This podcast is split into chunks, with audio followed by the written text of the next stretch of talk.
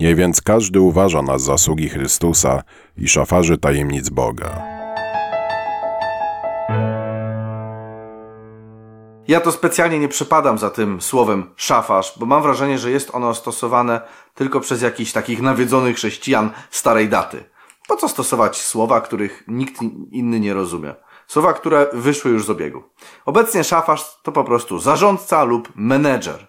Pytanie, czy tytuł szafarzy tyczy się tylko apostołów, takich starszych, jakichś pastorów? Wydaje mi się, że my wszyscy jesteśmy sługami. I co do tego? Jasne, to jest jasna sprawa.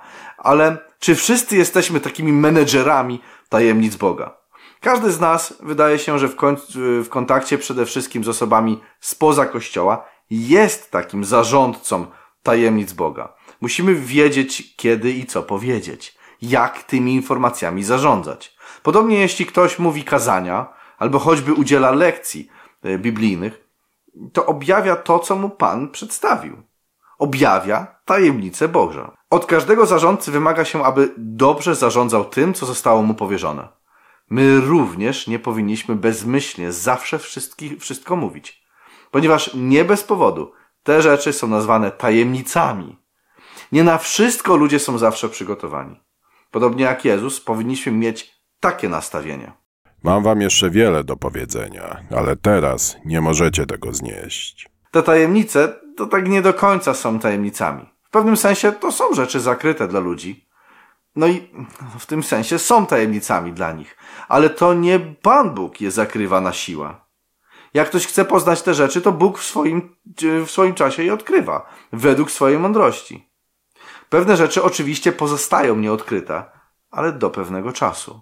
Obecnie myślę, że taką tajemnicą jest na przykład objawienie rozdział 17. Gdy Bóg nam to objawi, to wtedy my będziemy musieli właś właściwie zarządzać tą tajemnicą.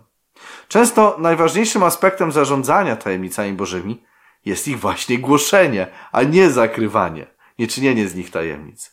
Czyli wracając do głównego pytania. Tak, wszyscy jesteśmy zarządcami tajemnic Boga. Czym więc się różni apostoł, starszy zboru czy pastor od zwykłego szarego wierzącego? Czy jedynie darami duchowymi? No nie. Różni się jeszcze odpowiedzialnością. Taki kaznodzieja czy nauczyciel przykładowo no, jest osobą, która ma powierzoną większą ilość tajemnic Boga. A taki apostoł, starszy czy pastor jest też większy, większym sługą. Przynajmniej tak powinno być.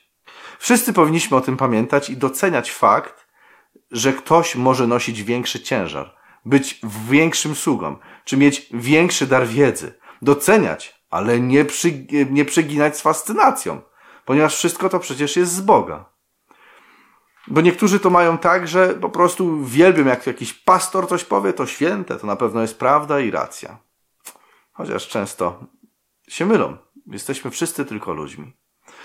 Paweł właśnie prosi o to, aby nie uważać ich, w sensie nikogo, za nikogo więcej niż, niż sługi Chrystusa i zarządców tajemnic Boga. Kłócili się, ja jestem Pawłowy, ja Apolosowy, a Paweł mówi nie. Jesteśmy tak jak wy, sługami i zarządcami. Może w większym stopniu w niektórych aspektach, ale wszyscy jedziemy na tym samym wózku, a więc powinniśmy we wszystkim wywyższać Boga jako dawcę wszystkich darów i wszystkich tajemnic. Subskrybuj i daj łapkę w górę. Śledź nas na Library Beatshoot, Telegramie i Facebooku. Cześć!